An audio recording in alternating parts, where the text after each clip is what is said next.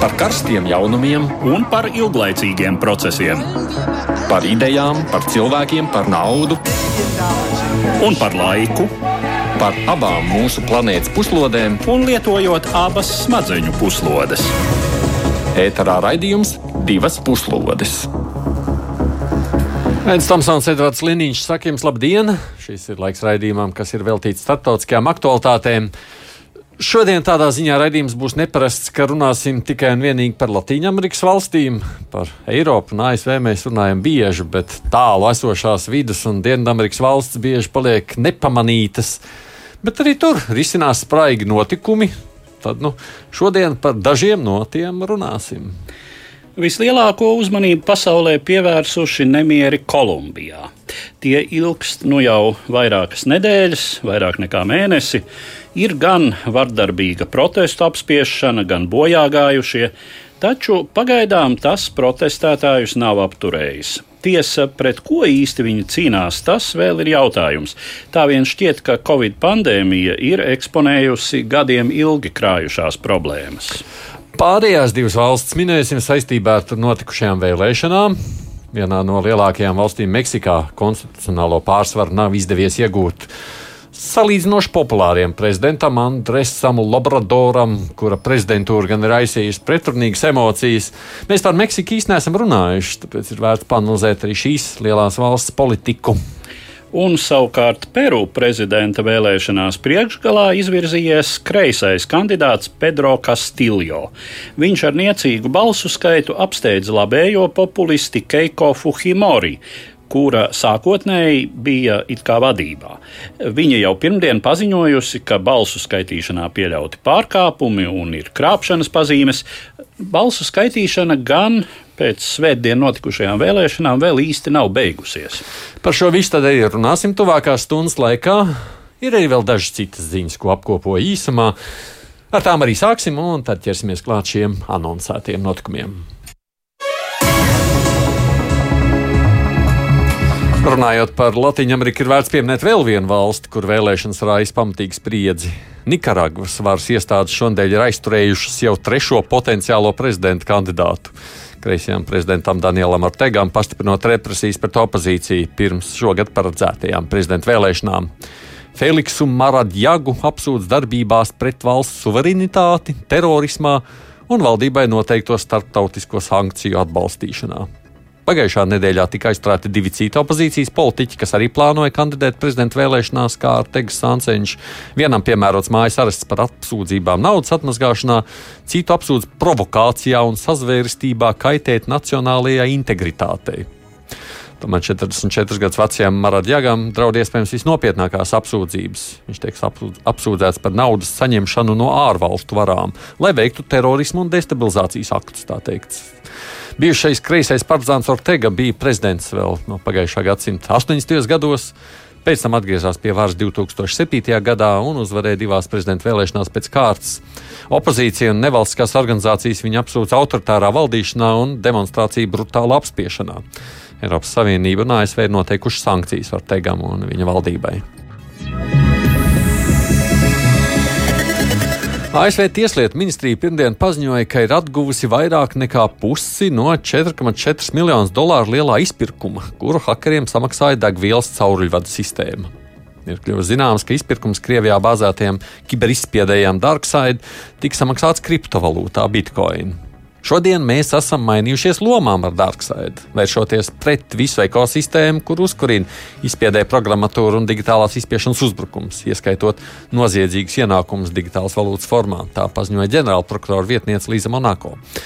Izrādās, federālajiem izmeklēšanas birojiem ir izdevies izsekot 75 bitkoiniem, ko kolonijāli samaksāja kā izpirkumu, un kas tolaik bija 4,4 miljonu dolāru vērtībā, un FIB izdevās konfiscēt 63,7 bitkoinus bet tās digitālās valūtas vērtības krituma dēļ konfiscētā summa pirmdien vairs bija tikai 2,3 miljonus dolāru vērta. Šis ir pirmais samaksāta izpirkuma konfiscēšanas gadījums, ko ir veikusi Tieslietu ministrijā izveidota īpaši jauna operatīvā grupa, kas cīnās pret šādu veidu hakeriem.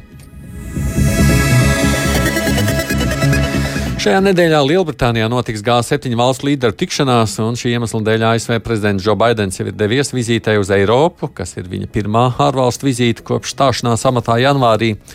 Šodien Baidens tieks ar Lielbritānijas premjerministru Borisu Džonsonu. Tikšanās notiek netālu no Kornvalas, kur no piekdienas sāksies G7 valstu līderu samits. Tā gaitā Baidenam ir paredzēts sarunas arī ar Vācijas kancleru Angelu Merkeli un citiem lielu valstu vadītājiem. Lielbritānijas apmeklējuma beigās svētdien Baidena pāri Vindzors pilī pie Londonas uzņems karaliene Elizabete II. Savukārt nākamnedēļ Baidens plāno piedalīties NATO samitā Briselē, kuriem paredzēta augstākā līmeņa tikšanās arī ar Eiropas Savienības pārstāvjiem, bet trešdien Ženēvā ieplānot tikšanās ar Krievijas prezidentu Vladimiru Putinu.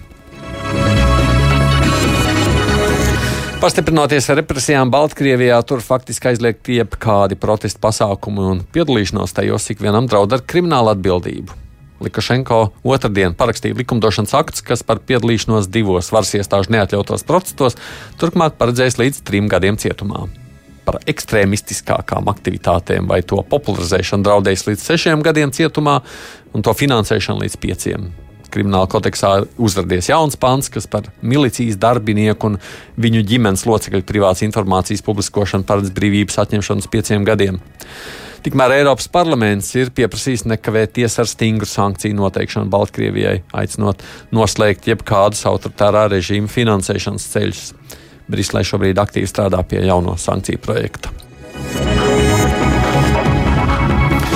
Un vēl cīņa pret vakcinēšanos reizēm iegūst ļoti savdabīgas aprises. Kādi ir gatavi upurēt pat brīvību, lai tikai sniegtu savu ārtavu cīņā pret vakcināciju? ASV ir piespriests trīs gadu cietumsots kādam farmaceitam par tīšu simtiem moderna Covid-19 vakcīnu devu bojāšanu. Tā paziņojusi Tieslietu ministrija. 46 gadus vecais Stevens Brandenbergs bija apzināti izņēmis vakcīnu ampulas no leduskapja. Kaut arī tās līdz izmantošanai ir jāglabā noteiktā temperatūrā. Viņš noturēja ampulas ārpus leduskapja vairākas stundas un tad tās ievietoja atpakaļ. Vēlāk tās tika izmantotas vakcinēšanā, kaut arī varēja būt jau bojātas. Apzināti ir 57 cilvēki, kas saņēma devus no ampulām, kuras Brandenburgs centās sabojāt. Pats farmaceits iepriekš bija teicis skeptisks viedoklis par vakcīnām, īpaši par modernu vakcīnu. Tagad paralēli cietumsodām farmaceitam arī piespriezt samaksāt 83 tūkstošu dolāru kompensāciju Viskonsinas slimnīcai, kurā viņš strādāja. Nu, lūk, tādi visādi dīvaini arī atgadījumi pasaulē, bet mēs tagad turpinām ar anoncētiem tematiem un vispirms par nerimstošiem protestiem Kolumbijā. Pašreizējais protestu vilnis sāka vēlties pār Kolumbiju aprīļa beigās, kad labējā prezidenta Ivana Dukes Markesa valdība mēģināja palielināt nodokļus un paplašināt nodokļu maksātāju loku, cerot tā līdzsvarot pandēmijas traumētās valsts finanses. Protestu spiesta valdība atteicās no šiem plāniem, taču jau pirmajā protestu nedēļā sadursmes starp protestētājiem un policiju kļuva vardarbīgas, un 3. maijā Kolumbijas tiesības sarga birojas ziņoja, ka sadursmēs nogalināti 16 protestētāji un viens policists. Policijas specvienības jau kopš pirmajām dienām daudz vietā laida darbā šaujamieročus, Pāris protestētāju nogalināšanas tika nofilmētas, un šie video, nonākuši sociālajos tīklos, izraisīja krastu protestu pieaugumu. Protestētāji sāka bloķēt ielas un ceļus vietām uz ilgāku laiku pārtraucot satiksmi, notika laupīšana un demolēšana. Šobrīd šai protestu vilnī bojā gājušo skaits jau pārsniedz pussimtu. Vēl vairāki desmiti skaitās bez vēsts pazuduši. Viena no protestētāju prasībām ir policijas policijas specvienību likvidēšana, ko valdība kategoriski noraida. Pašreizējais protestu vilnis uzlūkojams par turpinājumu iepriekšējam, kas Kolumbiju satricināja 2019. gada nogalē un 2020. gada sākumā un noplaka līdz ar pandēmijas uzliesmojumu. Protestu pamatā ir salīdzinoši trūcīgās Kolumbijas sabiedrības reakcija uz valdības labējo politiku, cenšoties palielināt nodokļu slogu, apcirkt izcirpt sociālo palīdzību un privatizēt valsts uzņēmumus. Pēdējo gadu protestu viļņi un vārdarbība vieš bažas par šobrīd aprimušā Kolumbijas bruņotā konflikta jaunu uzliesmojumu. Šis neintensīvais pilsoņu karš risinājās Kolumbijā kopš pagājušā gadsimta 60. gadiem un tajā bija iesaistīti valdības spēki, kreisās nemiernieku kustības, ultralabējās, paramilitārās grupas un noziedzīgie grupējumi, kuru galvenais rūpals Kolumbijā ir narkotiku ražošana un tirdzniecība. Konflikts pierima pēc 2016. gada, kad prezidenta Juana Manuela Santosa valdībai izdevās panākt vienošanos ar lielāko kreisās pretestības grupu Kolumbijas revolucionārajiem bruņotajiem spēkiem. Pilnīgi gan vardarbība nav izbeigta, un arī pēdējos gados, sevišķi provincē, notikuši atsevišķi uzbrukumi, terorakti un slepkavības kā analītiķis raidījumam pievienojies arī politologs, vēstures zinātņu doktors Ejārs Skudra. Labdien! Jums. Labdien! Lai saprastu iekšējo situāciju, parlamentu prezidenta Kolumbijā izrauga tauta. tauta. Tā tad demokrātija.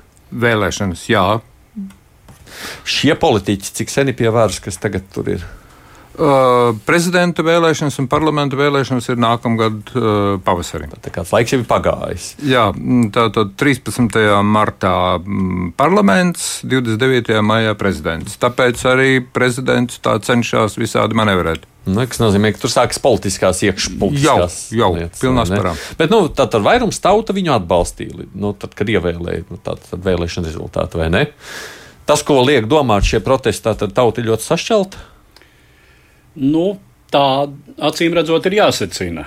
Eh, droši vien tā sašķeltība zināmā mērā ir sociāla rakstura, jo šis prezidents ir izteikti labējs, eh, ar izteikti labēju politiku. Eh, šī politika acīm redzami ir nu, labvēlīgāka turīgajiem slāņiem, katrā biznesam, ziņā. Biznesam. Nu, grūti teikt, cik nu biznesam, jo kā Vairumā Latvijas valstu, nu, teiksim, Kolumbijai arī ir raksturīga biznesa saaugšana ar valsts varu, koruptīvās un korporatīvās saites un tā tālāk, bet katrā ziņā jā, cik var spriest, tad lielākajai daļai nu, ekonomiskās elites šis labējais prezidents ir pieņemamāks. Te arī jāņem vērā, ka Kolumbijā patiešām ir vairākas desmitgades risinājās eh, šis eh, militārais konflikts, kas bija lielā mērā visu cīņa pret visiem, mm. Eh, kur īsti nevarēja saprast, kurā brīdī, teiksim, kreisie varbūt ir cīnās pret narkotiku karteļiem, kurā brīdī viņi varbūt saņem no narkotiku karteļiem kādas uh, teiksim, noteiksim tā, ir, ir zināmā mērā bruņots jumts narkotiku karteļiem, kurā brīdī un ar ko ir saites savukārt ultralabējām paramilitārām grupām, nu pilnīgi noteikti valdības oficiālajai valsts varai ar šīm grupām ir bijuši sakari un zināma koordinācija cīņā pret kreisajiem un tā tālāk.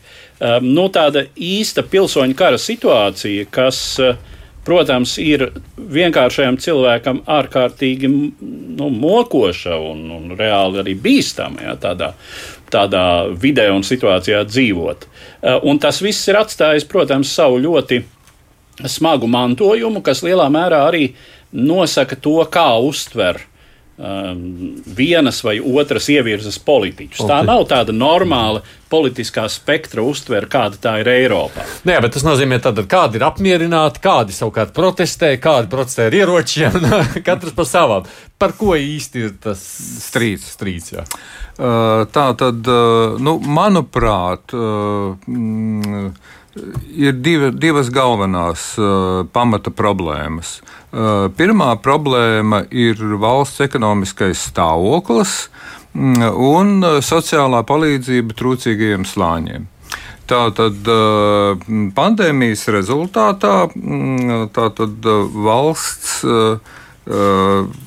ekonomiskā attīst, ekonomiskās attīstības tempi ievērojami sašaurinājās pagājušajā gadā. Uh, un, uh, lai risinātu tā rezultātā radušās problēmas, tātad pagājušā gadā mīnus 6,8% valsts IKP. kas ir, ir ļoti daudz. Mm. Tā tad Kolumbijā funkcionē divas valūtas.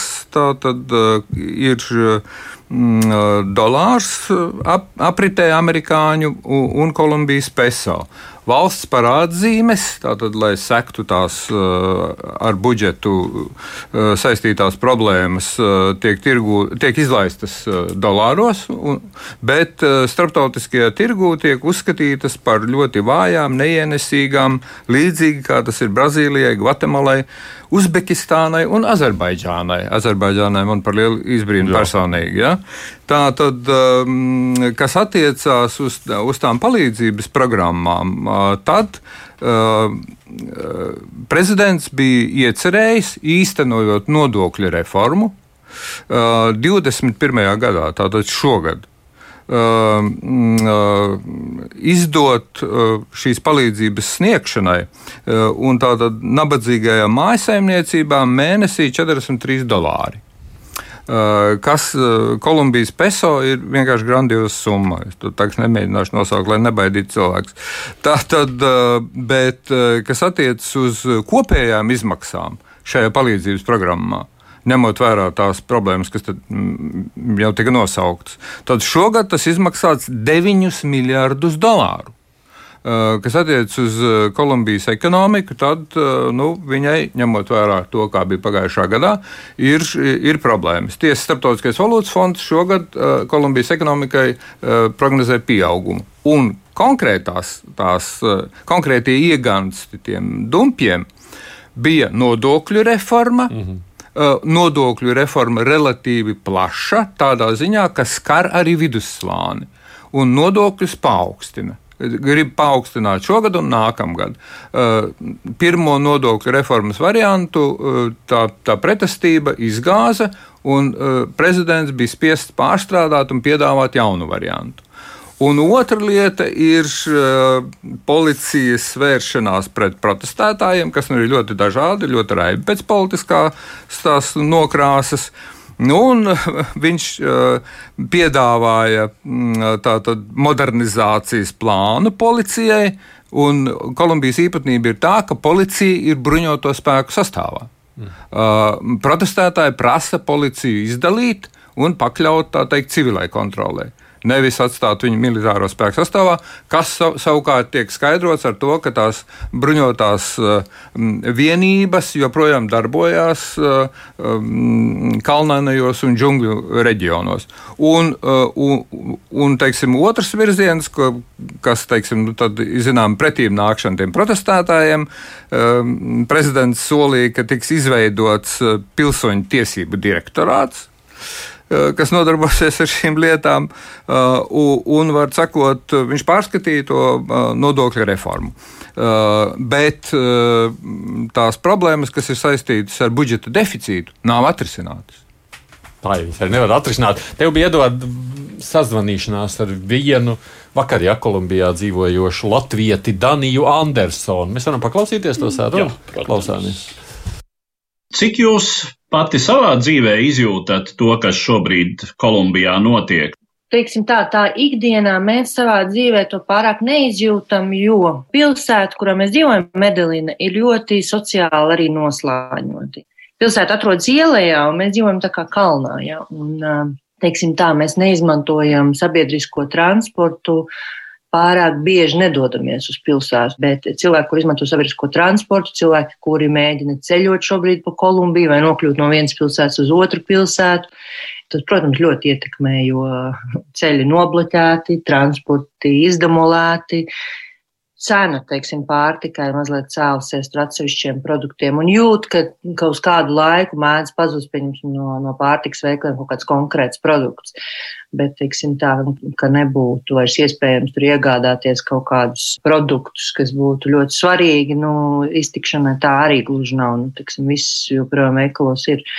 Es saprotu, ka jūs piedat, nu, teiksim, pie tādas uh, salīdzinoši labi situētas vides Varbūt tās galvenās problēmas, kuras šos protestus ir izraisījušas, jūs neskar, bet eh, nu, kāda ir jūsu vidē attieksme pret eh, šiem protestētājiem un savukārt pret valdības rīcību? Nu, ļoti dažādi. Ir tā, tā, tās augtie, es teikšu, spānisti urīvistas, ja, kas ir um, urīves sekotāji, un jo urībe, nu, teiksim tā, salīdzinot uh, ar Latvijas, varbūt politikas sēnu, var teikt, ir tāds, nu, viens, viens tāds no galvenajiem oligarhiem šeit Kolumbijā. E, ļoti, ļoti situēts cilvēks ar ļoti lieliem īpašumiem un ar ļoti pretrunīgu um, slavu. Ja. Un šobrīd arī prezidents uh, nu, daudz domā, ka tā ir tā kā marionete. Un, nu, ir, ir atbalstītāji, un ir, kas ir pret šo elitistisko politiku. Ja. Starp visām sabiedrības grupām ir urības sekotāji un ir tie, kas ir nu, pret urības politiku, pret uh, politisko eliti, pret korupciju. Ļoti sašķelta šobrīd sabiedrība. Tie, kas ir tās, tās augtajās pirmajās līnijās, jau kas iet un protestē, tie ir tādi nu, absolūti izmisuši cilvēki, kuri, kuriem pandēmija ir vēl vairāk iedragājusi to viņu materiālo stāvokli. Ja? Un tie cilvēki, kuriem vienkārši nekas cits neatliek, nu, tād, uz tādas izmisuma robežas ir vienkārši iet un protestē. Jo, nu, nu, cilvēki novesti ir tik tālu, jau īpaši, protams, zemākie sociālie slāņi, jo, kā jau visur pandēmija, tieši tos ir visvairāk skārus. Un, teiksim, tādos pārtikušākajos un izglītotākajos slāņos cilvēki ir izmisuši, bet vairāk tā iekšēji. Teiksim, tā, ir tāds šausmīgs sašutums un sāpe par uh, savu valsti, bet uh, cilvēki tāpēc varbūt neiet ielās. Ja? Bet, uh, Es tieši pirms mūsu sarunas tieši paskatījos mazliet, kas šobrīd notiek, un vairākas video par Kaliju un, un Bogotu. Un cilvēki par to stāsta, ka vienkārši nav vairs variantu. Jāiet un jāprotestē. Protesti sākās principā jau pirms pandēmijas. Tas jau bija 2019. gada novembris, kad sākās eh, tāda tiksim, tā masa, tāda sacelšanās un streiks un demonstrācijas. Bet nu, tad kaut kā ar pandēmiju, eh, ar pandēmijas iestāšanos kaut kur janvārī tas tā tā kā noplaka. Un tad uz gadu tas bija tāds tā kā apturēts kliedziens, ja tā var teikt. Tādā brīdī tas vienkārši nāca ārā ar dubultu spēku. Ja tas viss sākās ar protestu pret eh, nodokļu pacelšanu, tas viss sākās ar to, ka tagadējā valdība eh, krīzes apstākļos pēkšņi sāk iepirkt eh, kara tehniku ieročus un helikopterus un tam līdzīgi. Nu, tā vietā, lai palīdzētu uh, cilvēkiem pārvarēt krīzi, un tas sākās ar to, ka Bogotā uz ielas tika nogalināts vienkārši kameru priekšā jauns advokāts puisis, kurš atradās naktī uz ielas, kad teorētiski nevarēja atrasties. Un viss tas niknums bija uz to gadu aizturēts, jā, un tad ar visu to pandēmiju tas vēl vairāk kā dubultojās. Kā tas tālāk attīstīsies, nu to ir absolūti neiespējami, man, manuprāt, šobrīd paredzēt tā iekšējā politiskā, sociālā krīze ir tik milzīga. Es nezinu, tiešām, kam būtu jānotiek, lai tas kaut kā sāktu atrisināties. Šobrīd nekas par to neliecina, godīgi sakot. Iespēja, ka valdība atkāpjas, ka notiek eh, kādas ārkārtas vēlēšanas vai tam līdzīgi. Par to tiek it kā runāts, un uz to tā kā varbūt tās cilvēki iet un cer, bet es domāju, šajos ārprātā korupcijas apstākļos un to, ka valdību tomēr, man liekas, atbalsta ļoti liela daļa elites un, uh, un tā kā es prezidenta, kā jūs minējāt, stāv Alvaro Uribe, kas ir viens, ja ne pats ietekmīgākais uh, oligars valstī. Es šobrīd īsti to neredzu, ka tā varētu notikt. Un uh, iespēja, ka šie protesti kļūst par sākumu atkal kādam pilsoņu kara ciklam, kā tas jau ir bijis iepriekš Kolumbijas vēsturē. Tas jau ticamāk. Tie 60 gadi to iekšējo konfliktu, kas šeit ir notikuši, es domāju, ka drīzāk iet uz, jā, drīzāk iet uz to pilnīgi bez kautrēšanās tiek šauts uz civiliedzīvotājiem un civiliedzīvotāji savukārt pretī demolē valsts īpašums, kļūst aizvien trakāk. Vai pabeidzot šo Kolumbijas sadaļu, nekāda labā perspektīva, Edvards, pēc tavas sarunas gaužā drūma. Nu, tā tas ir, jā. Mm. Uh, un, uh, nu, es domāju, to jau mēs redzēsim arī skatoties tagad uz citām uh, kaimiņu valstīm, var teikt, jo tās valstis, kuras ekonomiski un arī politiski ir nestabilākas šajā globālajā krīzes situācijā, nu, pirmās cieš un, un tur parādās šie problēma momenti. Pavisam īsi gribu piebilst, Kolumbija ir Amerikas Savienoto Valstu sabiedrotā valsts, viena no retajām izteikti ASV sabiedrotajām, saprotam iemeslu dēļ. Mm, tā tad ASV ļoti palīdzēja ar agrāro reformu un, un, un lielā mērā veicināja to pilsoņu karu izbeigšanos nu, līdz tādai pakāpei, kādai nu, tas ir izdevies. Baidena administrācija piešķīrusi Kolumbijai skaties, ja klausies un brīnies, desmit miljonus dolāru nākamajiem diviem gadiem palīdzību. Miljonus? Uh, desmit miljonus. Miljonus. Desmit miljonus. Jā, tas tāds piliens, divos gados. Jūrā. Jā, projektu realizācijai, kas vērsti uz attiecīgām reformām. Jo, protams, ka Kolumbijas prezidents nav demokrāts, ja runājam ASV kategorijā. Hmm. Dodamies tādā geogrāfiski uz augšu, ārpus Dienvidamerikas kontinentu, uz Meksiku, kas robežojas jau dienos ar ASV. Liela valsts, kur pagājušā nedēļā, nu, nedēļas nogalē notika vēlēšanas. Ierakstu klausāmies vispirms. Svētdien vēlētāji visā Meksikā devās uz iecirkņiem, lai ievēlētu 500 kongresa apakšpalātas deputātus, kā arī 15 pavalstu gubernatorus, 30 pavalstu kongresu deputātus, 1900 vietējo pašvaldību deputātus, galvaspilsētas Mehiko rajonu mērus, padomju locekļus un pašvaldību prezidentus. Daudzi uzlūkoja šīs vēlēšanas kā neoficiālu referendumu pašreizējā prezidenta Andresa Manuela Lopesa Obradora un viņa vadītās kreisi populistiskās nacionālās atzimšanas kustības Morena politikas atbalstam. Obradors guva pārliecinošu uzvaru 2018. gada prezidenta vēlēšanās ar savu programmu, kas ambiciozi nodēvēta par ceturto pārveidi, to nozīmības ziņā pielīdzinot agrākajiem pagrieziena punktiem valsts vēsturē.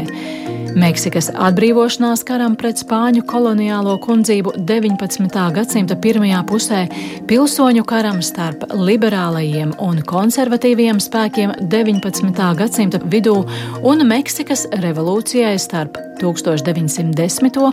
un 1920. gadu. Prezidents solīja pievērsties trūcīgo slāņu liktenim, izskaust korupciju un nepamatotas privilēģijas valsts aprātā, izbeigt otro desmitgadi ilgstošo karu starp valsts iestādēm un narkotiku karteļiem, kas jau prasīs desmitu tūkstošu cilvēku dzīvības. Kustības Morena vadītais partiju bloks ieguva vairākumu abās valsts likumdevēja palātās. Šajās vēlēšanās prezidents Obradors cerēja tikt pie konstitucionālā vairākuma apakšpalātā, kas ļautu viņam īstenot iecerētās izmaiņas valsts sistēmā, tā skaitā pakļaujot prezidentu kontrolē vai pat likvidējot tādas neatkarīgas institūcijas kā vēlēšanu procesu kontrolējošais Nacionālais vēlēšanu institūts un Nacionālais informācijas pieejamības institūts, kura funkcijas daļēji atbilst valsts kontrols un tiesības sarga lomai. Kustība Morena vēlēšanās startējusi visai sekmīgi, iegūstot 250 trīs no 500 apakšpalātas deputātu vietām, taču tās pašreizējie partneri Darba partija un Ekoloģiskā zaļo partija ieguvušas attiecīgi tikai 47 un 11 vietas ar ko konstitucionālajam vairākumam nepietiek. Protams, izšķirošo vērtējumu harizmātiskā valsts vadītāja politikai dos nākamās prezidenta vēlēšanas 2024. gadā. Pagaidām priekšvēlēšanu solījumu īsti nepildās, jo Meksikas ekonomikā turpinās lejupslīde, kas sākās jau pirms pandēmijas, bet tagad vēl krietni sāsinājusies. Vēl dramatiskāka ir situācija cīņā ar noziedzību, un no solītās valsts nomierināšanās nav nevēsts. Gluži otrādi, šī priekšvēlēšana kampaņa izvērtusies par īstu asinspirti un pēc meksikāņu vadības konsultāciju kompānijas Etelekta ziņām kopš kampaņas sākuma nogalināti 96 politiķi, tā skaitā 36 deputāta kandidāti, vairāk nekā 900 kampaņas dalībnieku piedzīvojuši dažādus noziedzīgus uzbrukumus.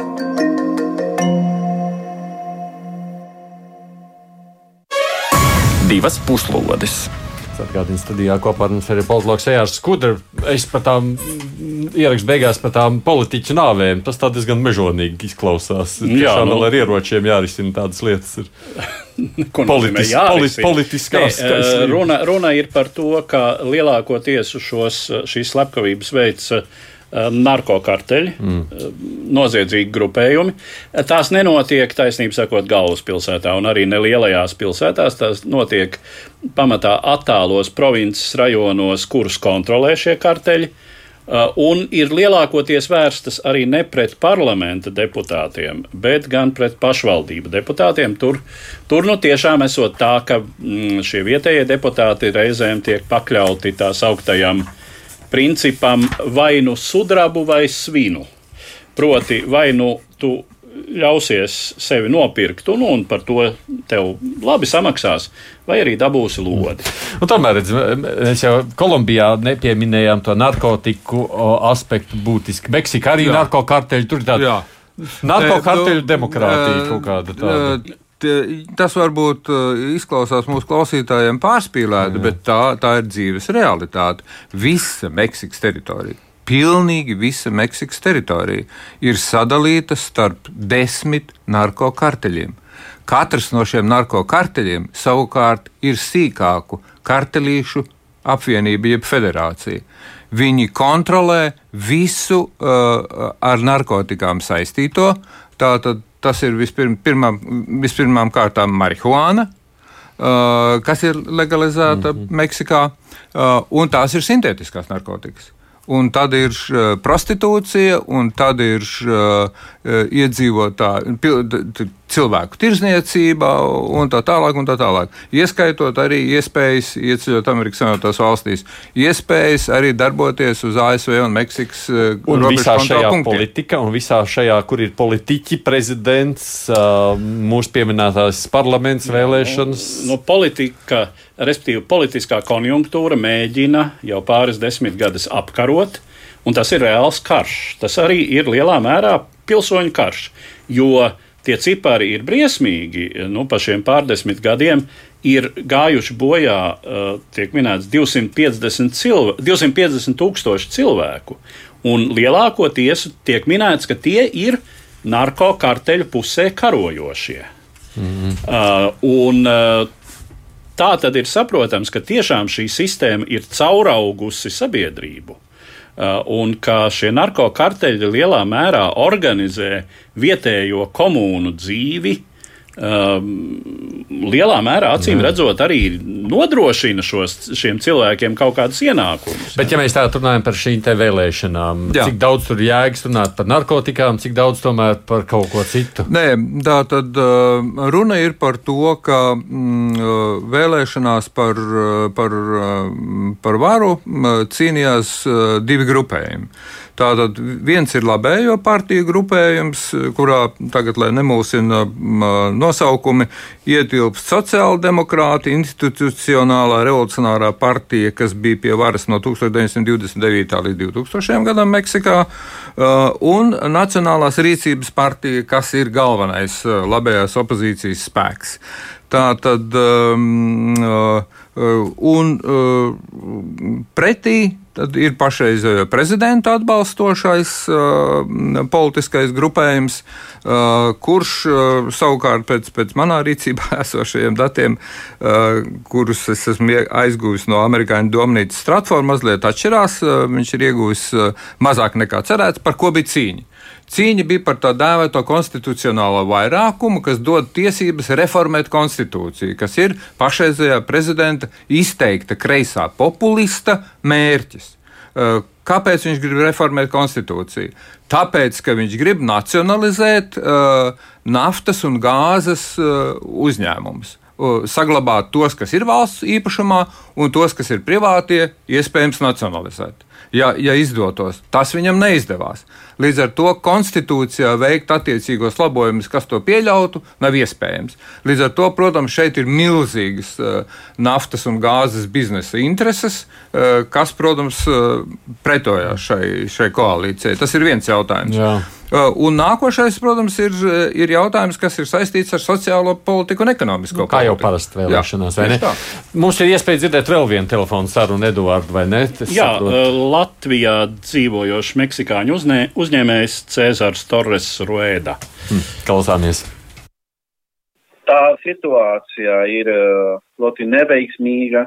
Valdība ir stratēģija pret uh, krimināls kartels, nu, narko kartels, un tāda stratēģija ir uh, diezgan pasīva. Nu, ne tik aktīva, kā bija agrāk ar uh, iepriekšējās uh, nu, valdības, un ar, ar ideja, ka jau bija daudz uzbrukumu, jau bija asiņa, bet nu, tāda stratēģija ne, nepalīdz. Maz pilsētās valdība nu, de facto tur nav aktīvi un ir pirmo reizi eh, nu, Meksika modernā vēsture, kas kriminālas eh, nu, organizācijas ietekmē mūsu vēlēšanas procesu. Bet ar ko tad tomēr ir izskaidrojami šie Obradora kunga partijas panākumi? Nu, ja tas ir daudz, daudz paldies nu, Obradoru kungam. Nu, karisma, man liekas, simbols, viss, kas ir uh, nacionālās vēsturisku varonis, un viņš salīdzināt uh, kustību, nu, Morena ar uh, Meksikāņu revolūcijā vai 19. Uh, gadsimta par neatkarību. Un, nu, tāds ir personāžs, nu, kā uh, Obrador kungs uh, uzbūvēt un kā joprojām kā daudz cilvēkiem varbūt slikti domā par pārtie, par politiķi, bet uh, joprojām ļoti labi, nu, domā par, par Obrador kungu. Nu, kā viņš nesin vai viņš nevar visu atrisināt, ka varbūt viņam vajag uh, lielāko varu, lai viņš var atrisināt visas problēmas mūsu valstī gandrīz reliģiska ticība pret viņam. Viņam, man liekas, ir nu, tādu efektu ļoti līdzīgāku kā iepriekšējais prezidents uh, Trumps, ka varētu būt uh, viena novēla. Ja, ja būtu nu, grāmatā, nu, viņa stāsti, viņš būtu tāds uh, gudrs uh, mazpilsinieks, ka visu zin labāk nekā cilvēkiem, kas nāks no skolā, no, no universitātes, tāpēc ka viņš ir tāda tautas gudrība. Viņu programmu, visu, ko viņš pārdod kā platforma pret korupciju, pret uh, inequality un. Pret nevienlīdzību. Jā, jā, bet uh, problēma ir, ka tāda platforma ir tikai runāšana un bija ļoti labs platforma, uh, kamēr uh, bija opozīcija bet tagad kā valdība ir uh, katastrofika. Nu, ir tāda doma, ka viņš to dara, lai taisītu vīde, ar kuru cilvēkiem vajag vairāk no viņiem. Tas, ka vienīgā iespējams, vien, vienīgā oportunitāte mūsu valstī jābūt uh, sekot un, un turpināt atbalstot uh, viņiem. Tas ir, ka vienīgais, uz ko cilvēki var paļauties, ir valsts atbalsts un valsts programmas. Jā, jā, tas ir pareizi. Nu, tas ir līdzīgāka situācija, kas notika no Venezuela, agrāk Kuba, višķiņ mazāk Argentīna, Bolīvija, bet izskatās, ka tas ir maršrute, kā viņš seko. Cēzars Torres. Nu, tā jau laikam vispār nav tikai Latvijā. Uh, bet, uh, lai vēlreiz viena būtiska iezīme tajā Meksikas situācijā, es gribētu vien, vienkārši pieminēt, lai, lai, lai cilvēki izprot, uh, cik, cik uh, asas ir tās problēmas ar tiem narkokarteļiem un viņu ietekmi. Meksikā ir aptuveni 125 miljoni iedzīvotāji. Deň, 2019. gadā Meksikā uz 100 tūkstošu iedzīvotājiem uz 100 tūkstošu iedzīvotājiem bija 29 slepkavības vidēji statistiski gadā. Mm. Uz 100 tūkstoši 29 šobrīd, slepkavības. šobrīd 98 slepkavības dienā. Jā, un, un 20. gadā šis slepkavību skaits uz 100 tūkstošiem rēķinot samazinājās par 0,4%, no ko daļai varot eh, saistīt ar pandēmiju. Tā tad, bet, bet ta, tas, tas nozīmē, ka, ka tā ir ikdiena tā uh, narkokarteļu un ar, viņu, ar viņiem saistīto bandu varmācība Meksikā ir ikdiena. Bet, nu, redz, ja runājam savukārt par prezidentu, man viņš tā kā klausījās, jā, nu, tā tad Trumps tikai Trumps tur labējis, šis ir kreiss, tāda citādāk jau ļoti pazīstama. Jā, CNN, bija, CNN bija salīdzinājis un uh, uh, tiešām tikai šis zināmais uh, kreisums. Uh, un uh, sociālo programmu izvirzīšana priekšplānā ir vienīgais, kas viņu atšķir no Trumpa. Bet uh, mm. mēģinājumi demontēt esošo valsts sistēmu, aizstāt esošo um, līdzsvaru, tātad šo nu, demokrātiskās sistēmās pastāvošo, ko sauc checks and balances, ja? um, šo sistēmas uh, likumisko konstitucionālo līdzsvaru aizstāt ar, teiksim, sevi kā garantu. Um, demontējot šo sistēmu, nu, tas viss viņam ir raksturīgs. Nu, tas, kas nozīmē, vienīgais, pabeidzot atkal par Meksiku, šie vēlēšana rezultāti liek domāt, ka retorika būs, joprojām viņš jau varētu, viņam neļauj vai ne, un kaut kā tā. No, nu, bet, bet, bet ar vienu piebildi. Viņam neļauj virzīties valsts kapitālismu virzienā. To viņš nepanāca šajās vēlēšanās. No, jā, no, jā, jā, jā. no tāda viedokļa, no, no tirgus ekonomikas uh, puslīdz normālas attīstības perspektīvas viedokļa, um, tas, uh, protams, bija viņa zaudējums un iegūms uh, tiem spēkiem, kuri, protams, arī nenoraida sociālās programmas. Jā, tas nozīmē, ka ah, vēlēšana. Jā, var piebilst, ka Meksikas politika vispār, ja mēs skatāmies 20. gadsimtu, ir bijusi salīdzinoši kreisa. Tur tāds uh, valsts kapitālisms, negluži sociālisms, bet valsts kapitālisms sevišķi laika periodā starp diviem pasaules kariem, pēc tās desmit gadus ilgušās revolūcijas, tā bija faktiski tāda. Nu, tāds pussociālisms tur Latvijā-Amerikā. Trotskisms. Par vēl vienām vēlēšanām mums jārunā. Tur gan šķiet nav mazāk kaislība, ja ne lielāka šobrīd. Runa ir par Peru. Klausāmies vispirms ierakstu. Arī Peru, kur svētdien notika prezidenta vēlēšana otrā kārta, smagi skārusi pandēmijas krīze. Pagājušā gada pirmajā pusē valsts piedzīvoja dramatisku iekšzemes koprodukta kritumu par vairāk nekā 30%. Savukārt šobrīd valstī ir augstākais proporcionālais pandēmijā mirušo skaits pasaulē. Peru jau gadiem dzīvo politiskas nestabilitātes situācijā, un pēdējo trīs gadu laikā valstī nomainījušies četri prezidenti, no kuriem divi demisionējuši, bet viens atlaists impeachment ceļā. Pašreizējais valsts galva Francisko Sagati Hohauslers ir pagaidu prezidents, kurš ieņēma šo amatu pēc tam, kad prezidents Mārtiņš Viskarra bija atstādināts ar impeachmentu. Savukārt pagaidu prezidents līdz tam kongresa priekšsēdētājs Manuels Merino pēc nedēļas amatā bija atkāpies vardarbīgu protestu dēļ. Šo ārkārtas vēlēšanu pirmajā kārtā aprīlī sacentās 12 kandidāti, no kuriem otrajā palika divi - labējās partijas tautas spēks kandidāte Keiko Fujimori un Socialistiskās partijas brīvā Peru kandidāts Pedro Castillo. Pēc pirmo rezultātu parādīšanās svētdienas vakarā Fujimori atbalstītāji jau steidzās svinēt uzvaru, taču tad sāka pienākt dati no lauku rajoniem, un abu kandidātu rezultāti izlīdzinājās. Šorīt, kad nesaskaitīts bija palicis mazākā procents balsu, Kastiljo bija 0,6% pārsvars pār Fujimori. Komentētāji norāda, ka gadījumā, ja uzvaru gūs Kastiljo, viņam nebūs viegli īstenot savu programmu, jo aprīlī ievēlētais Peru kongress ir stipri sadrumstalots, un tajā kā arī Peru sabiedrībā kopumā ir daudz kreisajam kandidātam naidīgu noskaņojumu.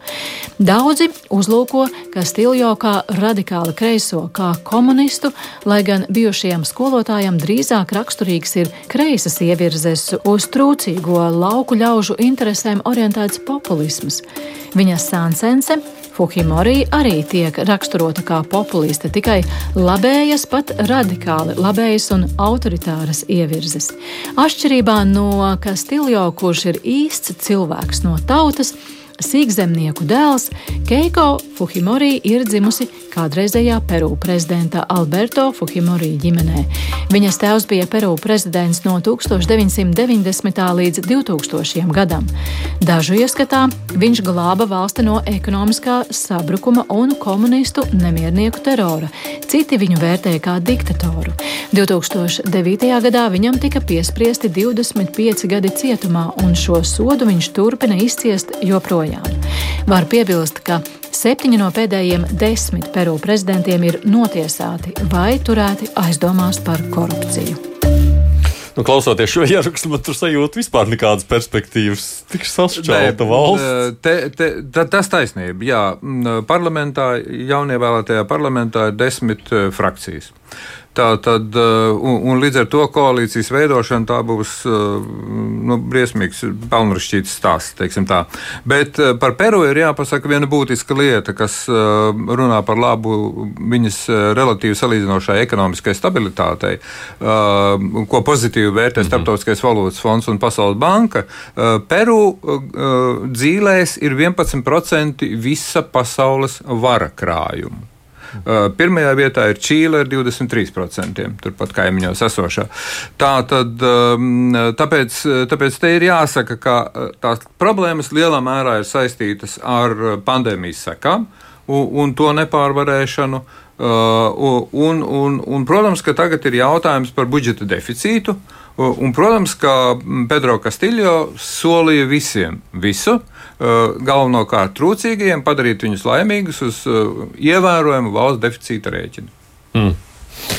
Nu jā, runājot par ekonomiku, tiešām pagājušais gads bija dramatisks kritums, 30%, bet šogad atkal jau ir nu, pieticīgs, protams, bet 3 ar kaut ko procentu kāpums. Mm. Nu, protams, no tās savukārt 30% eh, krituma bāzes, bet eh, nu, vismaz lejupslīde neturpinās. Eh, tas ir viens, lai gan nu, mēs dzirdam, ka pandēmijas situācija ir nu, dramatiska. Jā. Jā, šobrīd, šobrīd lielākais nāves gadījumu skaits pasaulē no šī iemesla nu, proporcionāli, mm -hmm. proporcionāli uz 100 tūkstošiem iedzīvotāju. Bet, jā, nu, protams, Peru ir problēmas, par kurām mēs nu jau runājam, faktiski arī abu iepriekšējo valstu sakarā, tā eh, bruņotā pretstāve, eh, kas eh, tur arī bija gadu desmitiem ilga, nu, kur izteikti bija tā, tā kreisā komunistiskā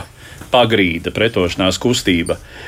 To lielā mērā patiešām Keiko Fujimori tēvs, prezidents Fujimori, kā saka, ar dzelzs uh, iedzina vēl dziļākā pagrīdē. Uh, šobrīd uh, šie radikāļi turpina gan darboties, un tur ir tā komunistiskā partija, un kas arī ir vēl viens moments, kas tiešām uh, šim uh, Pedro Castillo traucē un droši vien būs liels šķērslis normālas koalīcijas izveidei, ir tas, ka uh, nu jā, viņam ir piekarināta uh, no politiskiem pretiniekiem šī komunista birka, un komunista birka uh, Peru ir, ir diezgan grūti dabūjama nost. Mm. Jo nu, šie kreisie radikāļi turpina darboties, un pavisam nesen šķiet ir veikuši nežēlīgus teroraktus. Nu, pie kam viņi arī profitē no narkotiku tirdzniecības kārtējo reizi. Uh, tā sacīt, šajā gadījumā komunisti ir eh,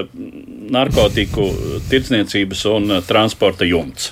Tā ir. Uh, divas īsas piebildes. Uh, divas trešdaļas visa Peru darba spēka strādā ēnu ekonomikā.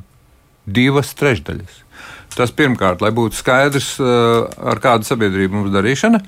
Otra piebilde, ja Kastīļo uzvarēs, tad viņš izstāsies no Latvijas valstu grupu, ko sauc par tā dēvēto Limas grupu grupu. Uh, un šī Limas, Limas grupa atteicās no sadarbības ar uh, Venecuēlas uh, prezidentu Maduro, atbalstīja opozīcijas kandidātu. Kastīļo izstāsies no Limas grupas un pārtrauks atbalstīt demokrātisko opozīciju Venecuēlā. Mm.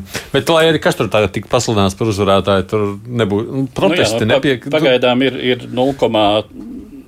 0,4-0,5% starpības. Nu, tur tā, tā, tā, tā dāma jau ir aicinājusi šodien, man liekas, es redzēju no rīta ziņa, kaut kāds 200 tūkstoši balsu anulēt, sakot, ka cik, cik Nu, jā, jā. protams, Nu, tad, tas, tas protams. viņai, teiksim, dotu droši vien to, ko viņa vēlas. Pilsoņu kurš karš nedraud?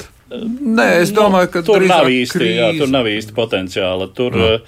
tur teiksim, esošās šīs grupas ir, uh, ir pārāk mazskaitlīgas, lai gan viņas ir.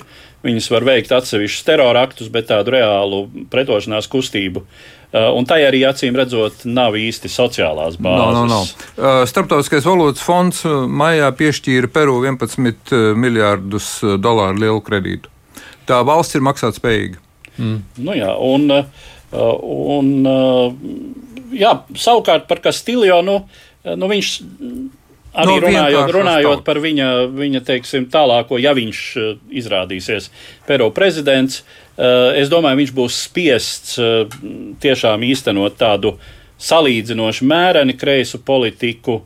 Nu, viņš arī pats ir deklarējis, ka viņš nav nekāds Komunists, radikāls, ka viņš nav jā. komunists, mm -hmm. ka viņš vienkārši grib tautai. Un te nu ir tas stāsts, ka, teiksim tā, tas, ko Ukrainas pašreizējais prezidents Zelenskis uh, izdarīja uz ekrāna.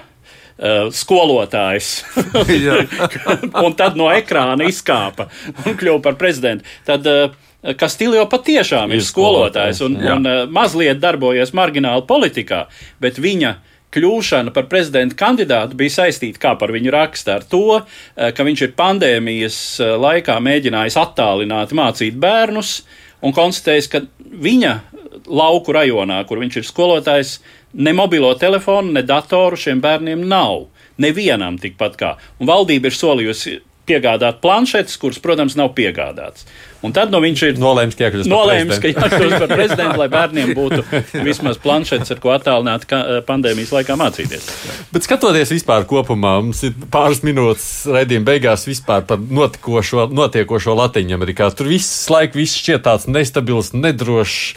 Uh, tur ir kādas cerības tam periodam tikt pāri. Uh, Latvijas vēsture 20. gadsimtā liek mums domāt, ka nē. Jo, jo teiksim, tā, tas svārs tā ļoti rupjos vilcienos ir starp militārām diktatūrām uh, vienā variantā ar labēju politiku, izteikti labēju politiku, nu, kā nodemonstrēja mm -hmm. Pinochets, bet tiesa gan Pinochets, uh, pateicoties amerikāņu tā dēvētās Čikāgas skolas padomniekiem, spēja uh, pacelt valsts ekonomiku. Viņam netraucēja biznesam darboties. Un, un, un otrs variants ir nu, tas variants, ko mēs vērojam ar Bolsonaru, uh, ar Obradoru, ar, tagad ar Kastīļo un visiem pārējiem. Nu, tā demokrātija, kura vēlās uh, ar valsts kapitālismu un sociālās palīdzības elementiem uh, kaut kā uzlabot tās trūcīgās iedzīvotāju daļas dzīvi. Bet tā problēma, kāpēc tiem demokrātiem nesokās, un, un Brazīlijā arī tiek prognozēts, ka iespējams bijušais prezidents Lula nākošā gada prezidenta vēlēšanās, kas arī būs Brazīlijā, varētu atkal uzvarēt. Uh, Viņiem nesokās tā iemesla dēļ, ka viņi nav spējīgi realizēt nopietnas ekonomiskās reformas. Nu jā, un tad jau tur ir vispārējās valsts Venecuēla, kur mēs esam pārnājuši, vai ne? Nu, tur, tur nav nevienas vai ne tādas drošas staliņas. Nu, relatīvi, teiksim, šobrīd eh, Čīle un Argentīna ir Ir tās salīdzinoši stabilākas gan ekonomiski, mm. salīdzinoši, gan nu, sevišķi politiski. Nu, teiksim, eh, droši vien, ka par spīti 20. gadsimta vēsturē ne Čīlē, ne Argentīnā huntas nākšana pie varas īsti vairs nedraud. Nu, droši, droši vien arī Brazīlijā, lai gan nu, tas pats Bolsonaro ir uh, kādreizējā mm. diktatora fans. Uh, un savos žestos mēdz kaut ko tādu arī piekopt. Uh, bet, nu, jā, nu, pietiek jau jāsaka ar to, kas notiek šobrīd Kolumbijā, ar Maduro, um, Venecuēlā. Nu, šīs valstis savukārt ir. Uh, tā kā, nu, jā, tas joprojām ir ļoti problemātisks planētas reģions. Nu, labā ziņa varbūt ir tā, ka, ka šobrīd uh, nav tāda nu, teiksim, kreiso spēku drauga un, un uzkurinātāja, kāds savulaik augstākā laikā bija Padomju Savienība. Paldies jums abiem par šo interesanto stāstījumu. Patiešām politologs, vēstures zinātņu doktors Ajārs Skudra, raidījuma veidotājs Edvards Liniņš. Paldies jums! Studijā šeit bija arī es, Aits Tomsons, producēja mums šoreiz Loreta Bērziņa. Visiem vēlu tādu jauku nedēļas nogali. Mēs tiksimies ar radio klausītājiem atkal pēc nedēļas, kad būs bijuši jauni notikumi, jaunas aktualitātes. Edgards, Edvards gan būs nelielā atvaļinājumā. Jā. Lai tev labi atpūta. Es savukārt gan pats ceru būt šeit studijā. Noteikti nākošajā reizē mēs runāsim par Baidena vizīti Eiropā, viņa tikšanos ar Putinu, jo nu, tā ir lieta, kurām arī neapšaubām nedēļas laikā būs jāpievērš uzmanība. Tā kā es visiem saku, uzsadzirdēšanos līdz nākošajai nedēļai.